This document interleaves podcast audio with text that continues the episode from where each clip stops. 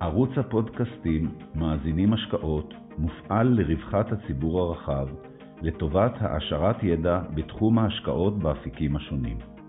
יוזמת ומפעילת הערוץ הינה חברת פיננסים ניהול הון פרטי בע"מ, העוסקת בייעוץ השקעות.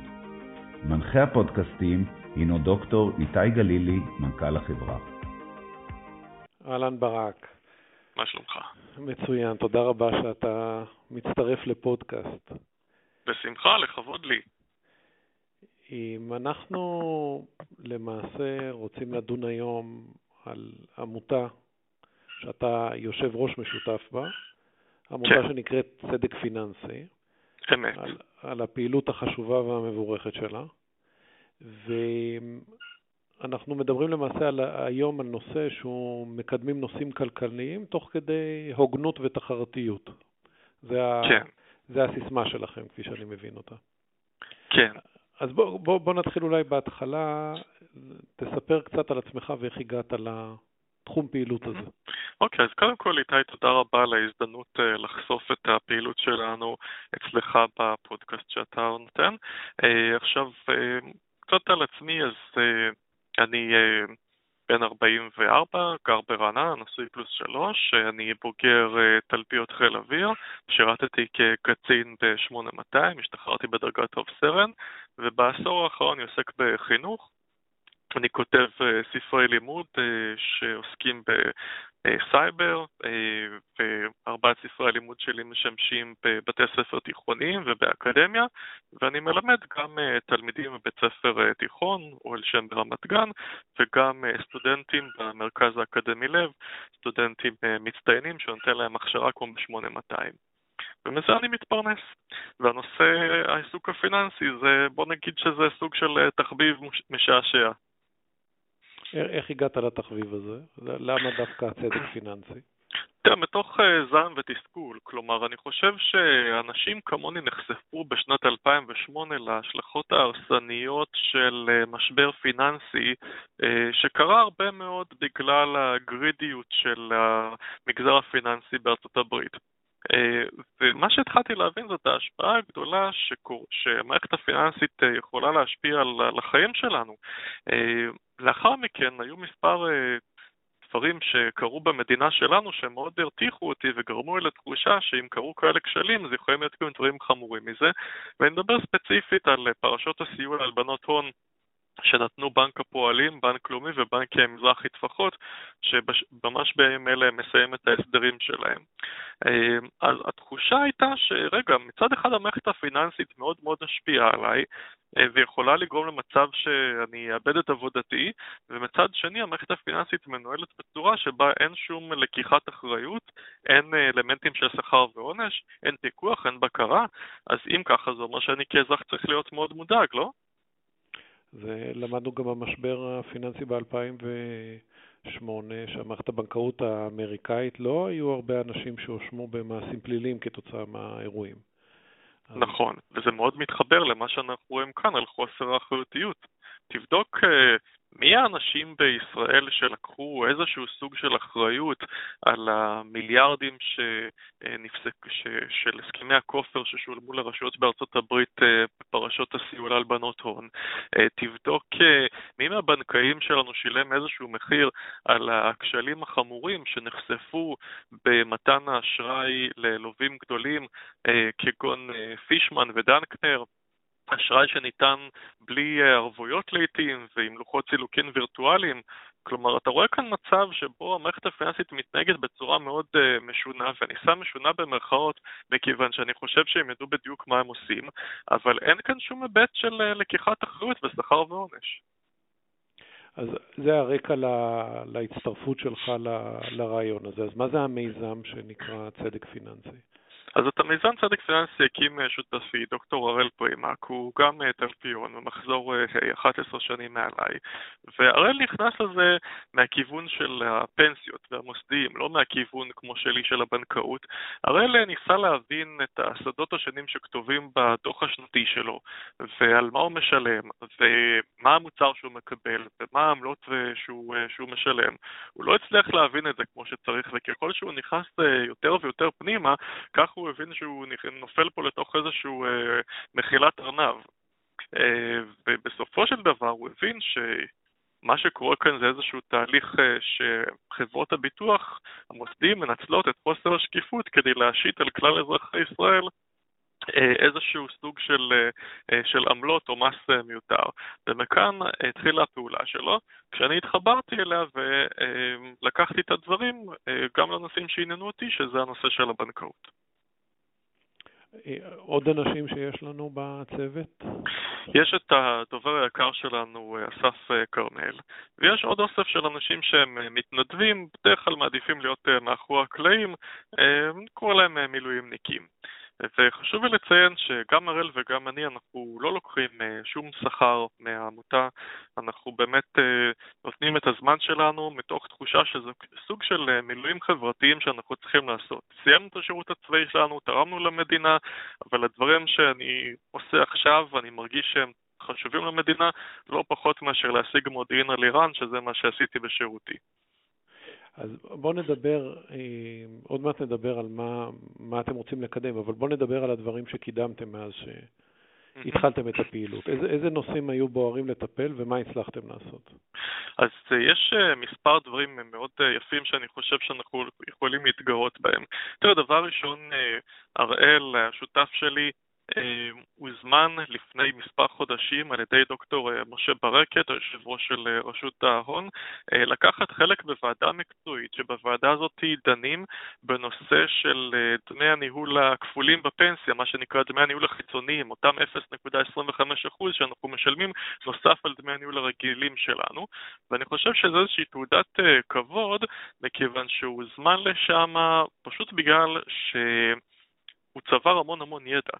כלומר, תחשוב על אזרח שבמשך עשר שנים לומד על נושא מסוים, ובסופו של דבר מגיע למצב שיש לו המון ידע והוא מסוגל לדבר על פרטי פרטים. אמ, בנוסף לזה, הישגים נוספים שלנו היו אה, קידום הרפורמה בבנקאות. אה, אני אה, נכחתי בכל דיוני הרפורמה בבנקאות, לצד uh, שותפה שלנו, עורך דין לינור דויטש מלובי 99, וביחד אנחנו קידמנו שיח מאוד uh, מקצועי, שהמטרה שלו הייתה להביא לחבר הכנסת, ובראשם יושב ראש הוועדה אלי כהן, את הבעייתיות שיש, ב, שיש בחקיקה, את הפערים בינה לבין המלצות שטרום. אה, ולמעשה הצלחנו להוביל למצב שאם טרם החקיקה, אה, בסך הכל המלצה אחת הייתה אמורה להיות מחוקקת, שזה הפרדת חברות כרטיסי אשראי מהבנקים, למעשה אחרי העבודה שלנו ואחרי פעולת ה...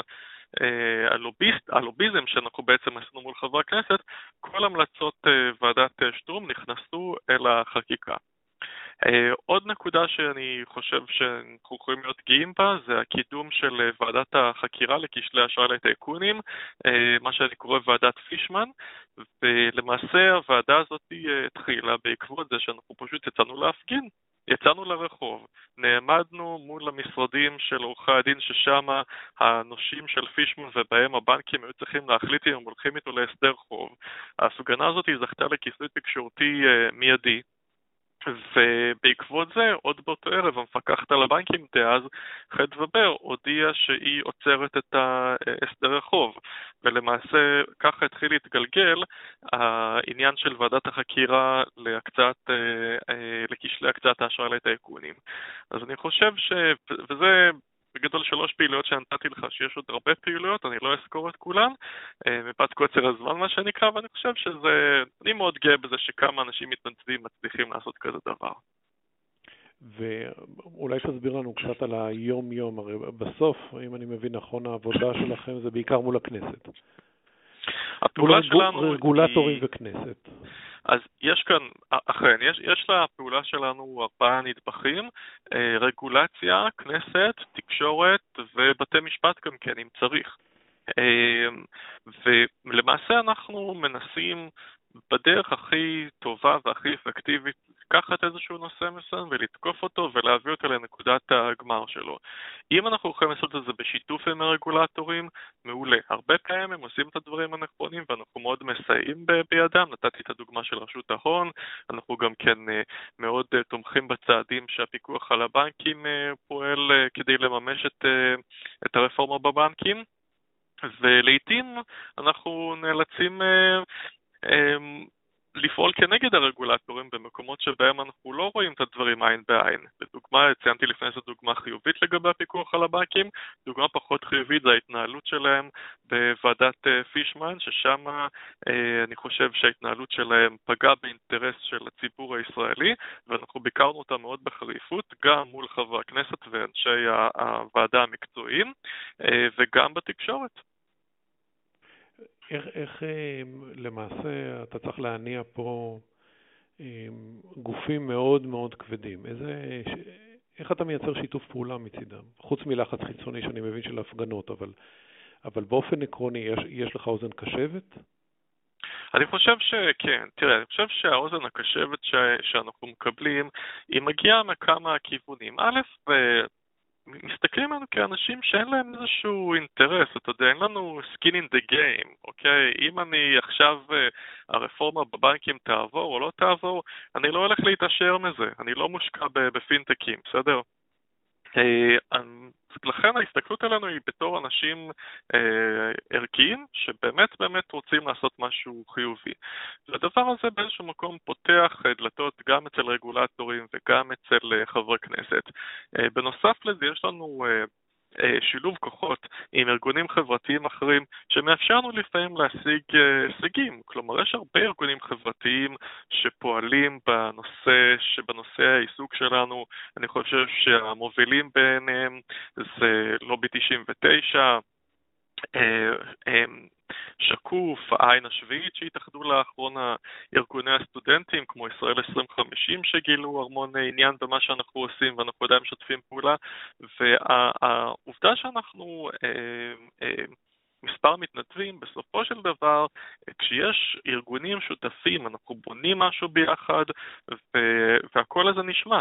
ואני חושב שבאיזשהו מקום אנחנו מצליחים לשנות את, ה- את המחט של, ה- של הסנטימנט ה- אה, הציבורי למה קורה במערכת הפיננסית, אנחנו משנים את המחט מאזור של חוסר הבנה מה זה וחוסר עניין וזה רק משהו למקצוענים ולאנשים שמבינים בכלכלה, אנחנו משנים אותה לכיוון של היי רגע יש שם בעיות, מה, מה קרה עם פישמן, למה הוא יצא בסוף עם 250 מיליון שקל? וכשאנשים מבינים את הדברים האלה אז uh, אני חושב שהאנשים שנמצאים בראשי המערכות שאמורות לפקח, מרגישים שהם צריכים להתחיל לתת דין וחשבון, ואז ההתנהלות הציבורית שלהם משתנה לטובה. אתה הרי יודע שכשאין עניין ציבורי במשהו, הוא לא יקרה, והתפקיד שלנו זה להעלות את העניין הציבורי. אז זה מוביל אותי ל... למעשה למצבנו היום. הרי אנחנו מתמודדים פה עם משבר מאוד גדול בנושאים, באספקטים כל כך רחבים כן. של אה, תחומי החיים, מבריאות וחינוך. איך מצליחים לקדם משהו בתחום הפיננסי, ואם כן, כן, מה רוצים לקדם בתקופה כזאת?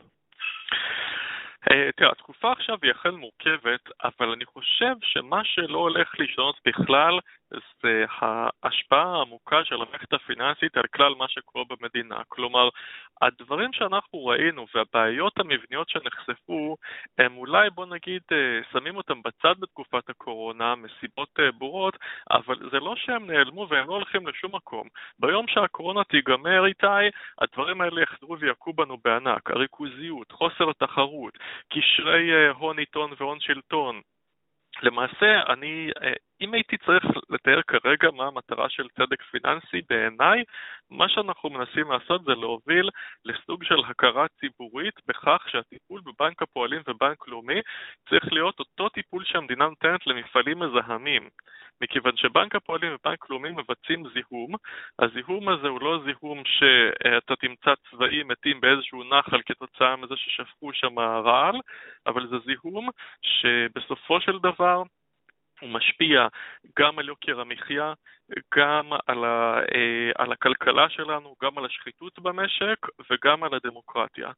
אה, ואני חושב שמה שאנחנו מנסים לעשות זה למעשה להצביע על כל המקומות שבהם בנק הפועלים ובנק לאומי לוקחים את המערכת הפיננסית שלנו למקומות רעים ולנסות להסב לשם את הזרקור הציבורי ולעצור את הדברים האלה. אז אם להיות יותר קונקרטיים, הרי חלק מהאנשים שה... החוב של הטייקונים זה למעשה מתקופה מאוד מאוד ארוכה, מרביתם פשטו את הרגל, וגם הדמויות במערכת הבנקאית וגם בפיקוח על הבנקים, זאת אומרת, ההנהלות התחלפו. אז איפה הדגש ש... שאתה אומר שהם מזהמים? למה אתה מתכוון בדיוק ב... בימים אלה? וואי, אני ממש שמח שאתה אמרת את זה. תראה, טענה מאוד רווחת, בין היתר של הפיקוח על הבנקים בוועדת החקירה, שאמרו, תשמעו, אלה כשלים של העבר, מה אתם רוצים? הרי דנקנר כבר נפל, נכון? אז מה, אתה עכשיו מדבר איתי על, על הקצאת האשראי לדנקנר? הרי פישמן כבר גמור, אז מה עכשיו אנחנו נדבר על מה קרה? הרי גלי מאור כבר לא בתפקיד, נכון? וציון קינן לא בתפקיד, אז מה עכשיו אתה מעלה דברים מהעבר? אז יש לי לזה כמה, כמה אה, דברים שאני רוצה לשים על השולחן. א', השיטה עצמה שנחשפה בדיונים של ועדת החקירה הראתה קודם כל שהבנקים פועלים בצורה שהיא סותרת את האינטרס של כלל אזרחי המדינה אה, ומבצעים דברים שגורמים בסופו של דבר נזק כלכלי לכלל הציבור.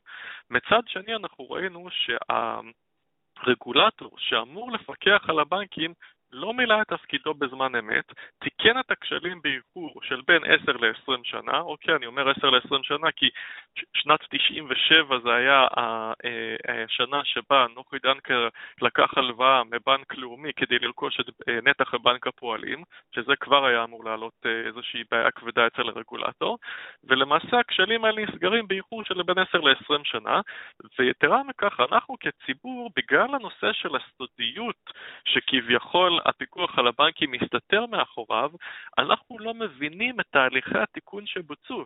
כלומר, אני לא יכול להגיד לך כמי שהיה בכל דיוני ועדת החקירה, האם באמת המנגנון עצמו תוקן, ועכשיו מדינת ישראל חסינה מפני כשלים, או שמה שקרה זה תיקון נקודתי שהבן אדם ש...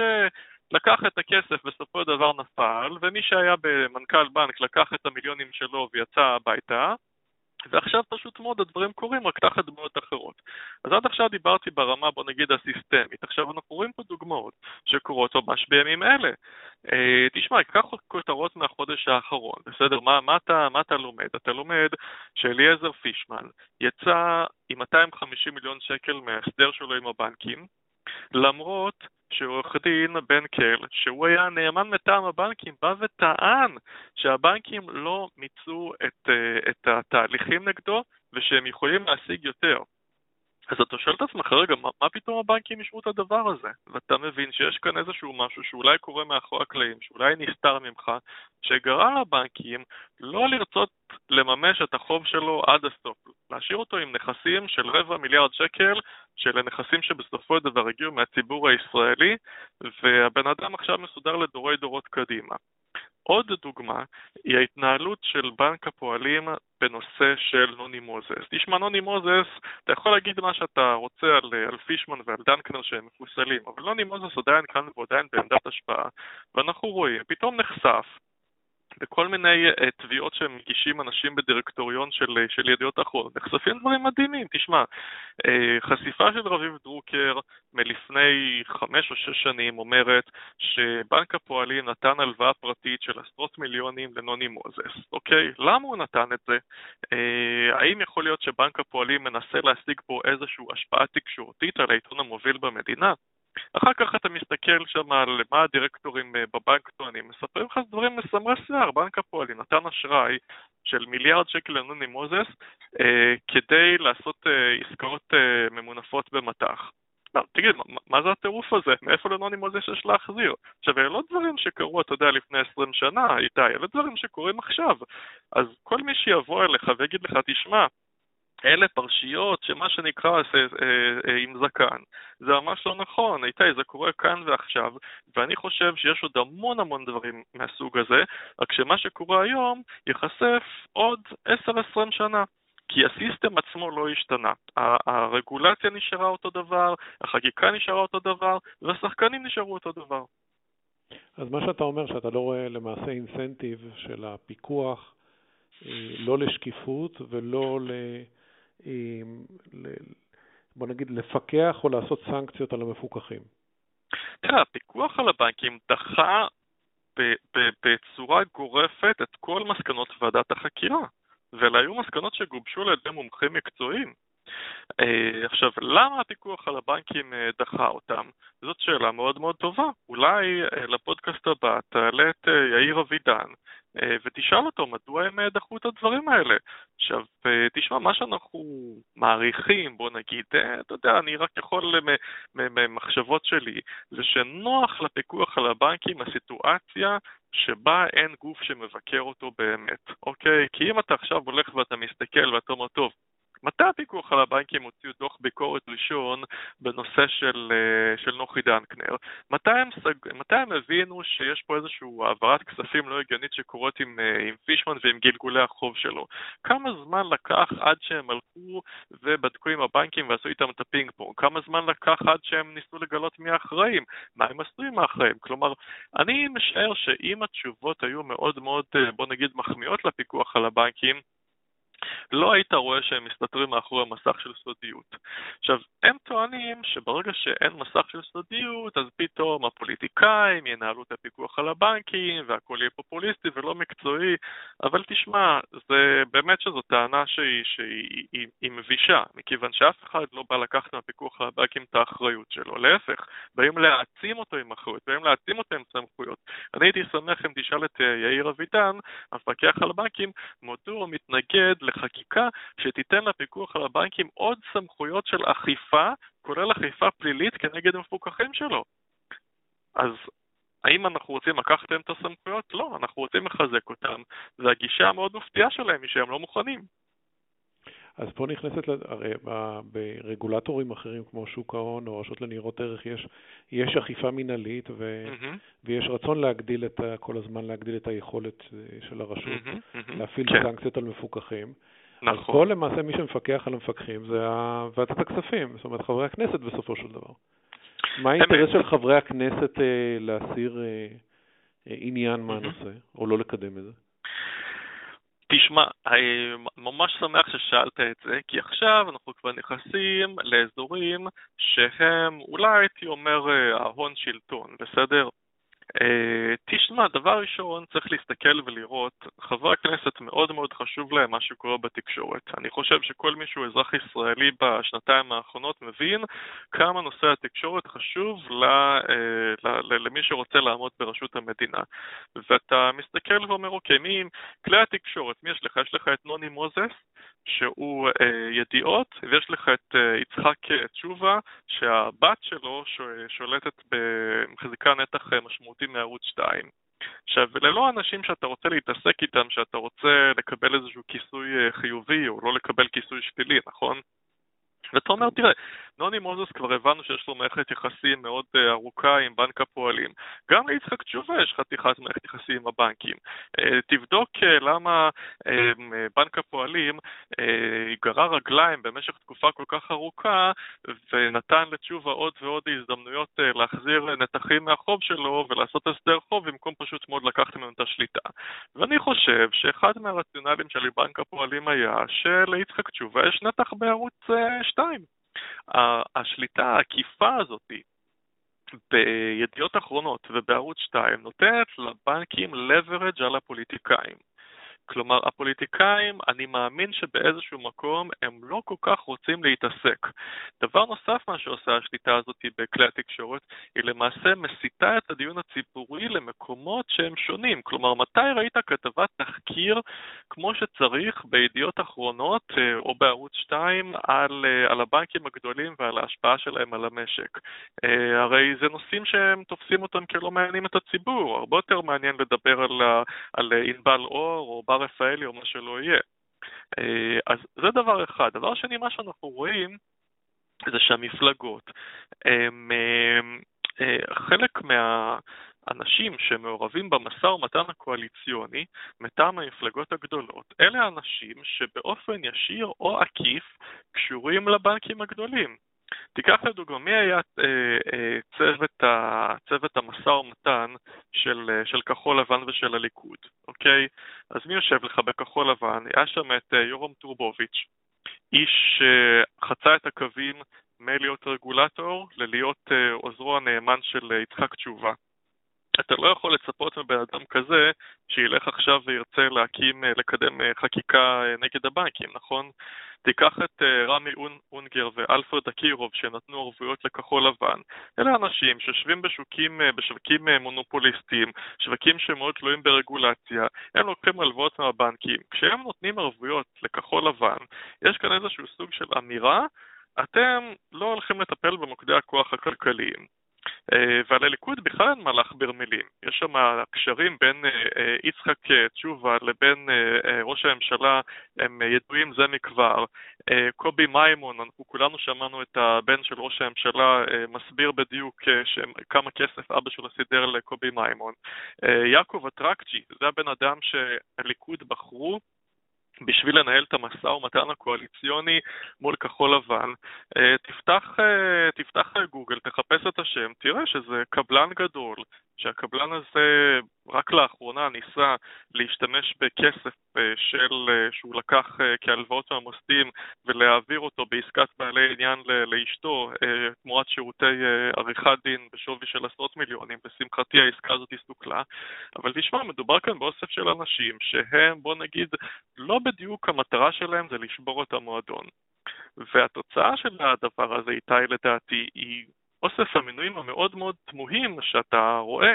אה, אתה הזכרת את זה שמדובר בתקופה קשה, נכון? עכשיו, אה, מה לדוגמה עשו עם אלי כהן? אוקיי, אלי כהן הוביל רפורמות כלכליות, נכון? הבן אדם, כשהוא מדבר כלכלה, הוא יודע על מה הוא מדבר, נכון? ואיפה בחרו לשים אותו?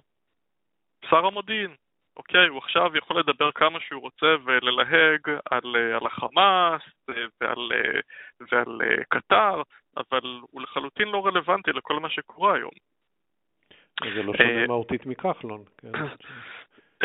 נכון, נכון מאוד, אבל אני, אני אומר שהקימו כבר ממשלה. בסדר, כחלון עזב את השדה הפוליטי בגלל מה שהוא עזב, ועשה כנראה גם כן כמה דברים אישיים שבגללם מגיע לעשות. ויש לך עכשיו בן אדם ש, ש, שהוביל כבר רפורמה, ולשים בן אדם כזה במקום שהוא נקודת מפתח כלכלית הייתה, היה יכול להיות מאוד מוצלח.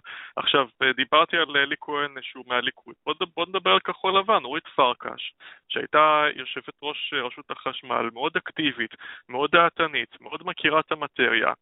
במקום לקחת ולשים אותה בתקופה הזאת, שתטפל בתאגידים, שתזיז את ההון שלטון, שם אותה שרת התיירות, יופי, עכשיו היא הולכת uh, לפתח שדות חמציצים בנגב, אוקיי? אז אתה מסתכל ואתה אומר, מי בעצם, אני, תראה, אני, אין לי הוכחה איתי שהאנשים האלה שתיארתי שהם עשו את המשא ומתן גרמו לכך שפרקש וכהן נמצאים בתפקידים uh, שהם לחלוטין לא רלוונטיים מבחינה כלכלית, אבל אני חושב ש-it makes a lot of sense. אוקיי? זאת אומרת, אנשים שיושבים ועושים אה, משא ומתן מטעם שתי המפלגות בממשלת אחדות, יש להם הרבה מאוד כוח ויכולת להשפיע בסופו של דבר על מי יהיו האיושים, וכשהאנשים האלה משרתים בסופו של דבר איזשהו מועדון קטן שמעוניין לשמר את הסטטוס הנוכחי, זאת התוצאה הסופית של זה. אנחנו גם ראינו, אתה יודע, באתי בביקורת כלפי כחול לבן והליכוד. אתה יכול גם לראות את, אה, את יש עתיד, גם הם לא, לא יד אה, בצלחת, רק בשביל להשלים את התמונה. אז כולנו מכירים את הקשרים של, אה, של לפיד עם נוני מוזס, נכון? ויכלת לראות שאחד מחברי הכנסת הכי אקטיביים שהיו בכנסת היוצאת בהיבט של החקיקה נגד הבנקים זה חיים ילין. חיים ילין הוביל בצורה מעולה מהלכים אה, בוועדת אה, שטרום, אה, כלומר בחקיקה שהגיעה אחר כך, היה מאוד אקטיבי, גם כן לקח חלק מאוד ניכר בוועדת החקירה לכשלי הקצאת אשראי לטייקונים. יום אחד יאיר לפיד הודיע לו שהוא במקום ה-17 לא ריאלי, והעניין נסגר. עכשיו תשמע, יאיר לפיד יכול להגיד מה אתם רוצים, או אני לא מעריך אותו, הוא לא פה, לא שם וזה. אבל uh, תשמע, יש לדעתי חשד כבד שבסופו של דבר הסיבה שחיים ילין קיבל את המקום ה-17 זה פשוט מאוד בגלל שהוא לא בא טוב למי, ש... למי שמחזיקים את, אה, את, אה, את נוני מוזס מעל המים. כלומר, התשובה הקצרה, ל, ל, ל, ל, התשובה בסופו של דבר לשאלה שלך היא שאין שום ספק של ההשפעה הגדולה של הבנקים על התקשורת ועל אותה שכבה דקה של אנשים ממונפים שמגלגלים חובות וממחזרים חובות ובסופו של דבר נושאים במשא ומתן הקואליציוני בשם הפוליטיקאים, אין שום ספק שיש לכך השפעה על הדמוקרטיה שלנו ועל היכולת של המועדון להישאר עם הידיים על ההגה. וזה מסר שאתה חושב שהציבור יכול להזדהות אותו, או, או יש לו רצון בסיסי לקדם אותו תוך כדי משבר כזה גדול? תשמע, הגיע הזמן שאנשים יבינו, הגיע הזמן שאנשים יבינו את הקשר. א', יכול להיות שאם היה פה איזשהו אנשים, אנשים שבאמת מבינים כלכלה, שנמצאים כרגע עם הידיים על ההגה, הדברים היו נראים אה, אחרת. כי כשאתה מרכיב איזושהי אה, קבוצה של, אה, של אנשים שאמורים לעשות איזשהו משהו, ואתה לוקח אנשים שאין להם שום הבנה בנושא שאמורים לקדם, אז זאת התוצאה. אבל מעבר לכך, אני אומר, הגיע הזמן שהציבור יבין שהתופעות שאנחנו רואים אלה לא תופעות שקשורות בקורונה. בסדר, מחר יהיה מושלם, כולם יהיו בריאים, יחיו עד 120, עדיין התופעות שאנחנו רואים יקרו. וחשוב מאוד להסיר את הלוט הזה שמכסה את הפנים של הציבור, שנבין שהעולם שאנחנו חיים זה איזשהו עולם מראה, שאנחנו לא באמת מבינים מה קורה מאחורי הקלעים, אנחנו שמים את הפתק למפלגה שאמורה לייצג אותנו, ובסופו של דבר יושב איזשהו נציג של טייקון מסוים, בעל הון מסוים שקשור לבנק או לעורך של עיתון, והאנשים האלה משבצים מי יהיה בשלטון ומי יהיה השר. ומי יהיה באיזושהי ועדה, ולמעשה הכל שאתה ואני, איתן, איתי יסיים בקלפי, אנחנו פשוט, אה, אה, זה, זה משחק, שהמשחק הזה, אה, אנחנו פה, אנחנו פה הכבשים, לא, לא הזאבים. התוצאה של זה לדעתי מאוד אה, מדאיגה. אני חושש שמה שיקרה זה שהמדינה שלנו תידרדר למצב של ארה"ב אה, קדם טראמפ. התחושה שלדעתי גרמה לכך שמנהיג חסר ניסיון, עם עבר מאוד בעייתי, כמו טראמפ, הגיע לשלטון, היא שהוא ידע לשחק יפה על הסנטימנט הציבורי שהמערכת דפוקה. והמערכת בארצות הברית אכן דפוקה, מכיוון שאותם תאגידי ענק תורמים גם לרפובליקנים וגם לדמוקרטים, והציבור לא ממש מבין מה קורה, אבל הוא מרגיש שהכלכלה עובדת נגדו. ולקחו את טראמפ מתוך איזושהי תקווה שהוא זה, הוא דווקא הוא המיליארדר, הוא זה שישבור את הנושא הזה וינסה לעשות משהו ולהזיז דברים והסכנה לפי דעתי שאנחנו גם ניקלע למצב הזה. בסופו של דבר הציבור יגיד, יגיד לעצמו, תראו, לא משנה למי אני מצביע, ימין, שמאל, בסופו של דבר המשחק פועל נגדי. אני תמיד בצד המפסיד בקזינו, הבית תמיד מרוויח, ואז הציבור ייתן לגבש פתרונות קיצוניים. ואני לא בטוח שאנחנו נוכל אה, אה, לשרוד אה, מנהיג כמו טראמפ, רק ישראלי. ברק, כל הנושאים שאתה מעלה הם אה, בטח זכו לתעודה מאוד גדולה ב... לפני המשבר, וחשוב שאתה מעלה אותם. איך אה, אנשים שמזדהים יכולים לעזור? איך הם יוצרים קשר? מה, מה היית רוצה שיקרה? אז אה, א', אני מאמין שהפודקאסט שלך, שמיועד לאנשים שכלכלה וכסף ומה שקורה מאוד מעניין אותם, זה מגיע באמת לקבוצה מאוד רלוונטית של אנשים. אנחנו מאוד היינו רוצים להרים אה, אה, יוזמות שיסייעו לנתק את הקשר בין ההון והשלטון. אה, אנחנו צריכים אנשים שמבינים מה קורה מאחורי הקלעים, אנחנו צריכים אנשים שיש להם גם את האמצעים הכלכליים, אם צריך, לבצע תחקירים ולהבין את תמונת המציאות שיש היום יותר טוב. אנחנו צריכים אה, את האמצעים הכלכליים גם כדי לשווק את ה... להסביר לציבור את המסרים שלנו בצורה טובה יותר, ואני מקווה שיושבים עכשיו אנשים שמקשיבים לנו ואומרים לעצמם, אני את הכסף שלי כבר עשיתי, אה, אני רוצה עכשיו לעשות משהו כדי שלילדים שלי תהיה מדינה יותר טובה להישאר בה. ואנשים כאלה מוזמנים ליצור איתנו קשר אה, בפייסבוק של צדק פיננסי, אני אשמח לקבל את הפניות, אפשר גם כן ליצור איתי קשר בפייסבוק הפרטי שלי, ברק גונן. אה, ואם באמת יש אנשים שרוצים לקדם דברים במדינה, אז אפשר לעשות הרבה. ברק, תודה רבה על הזמן שלך. שמחתי מאוד. ואני מקווה שתצליחו, ואנחנו נהיה בקשר בהמשך לראות איפה אנחנו עומדים. נהדר, תודה רבה.